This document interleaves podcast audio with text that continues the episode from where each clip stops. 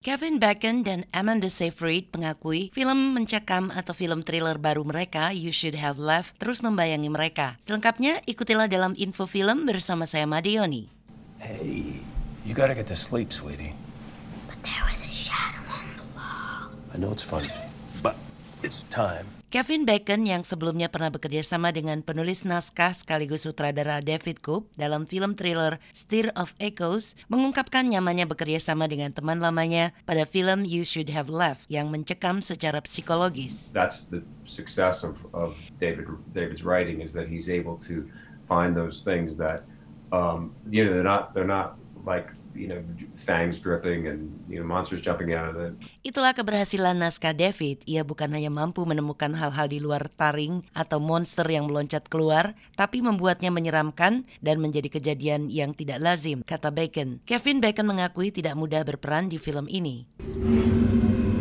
I'm someone that's fairly good at leaving my work at the office. It's not like I I have the cast the crew call me by my character's name or or anything like that. But um, when you're doing dealing with this kind of stuff and you're in it all day, um, yeah, it permeates your dreams and it permeates your your uh, overall um, psyche.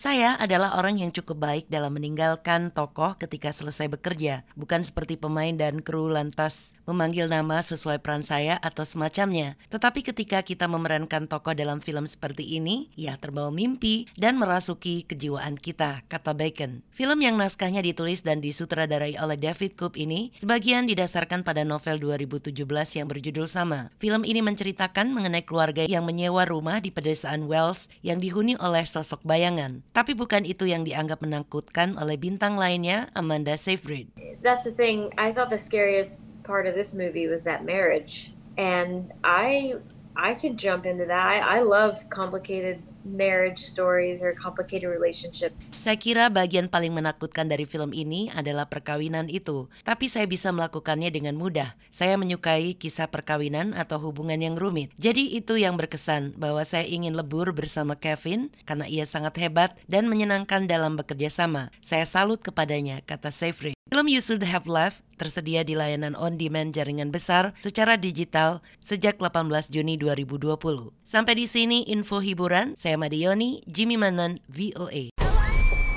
You chose this place, not me. You sent me the link. I absolutely did not.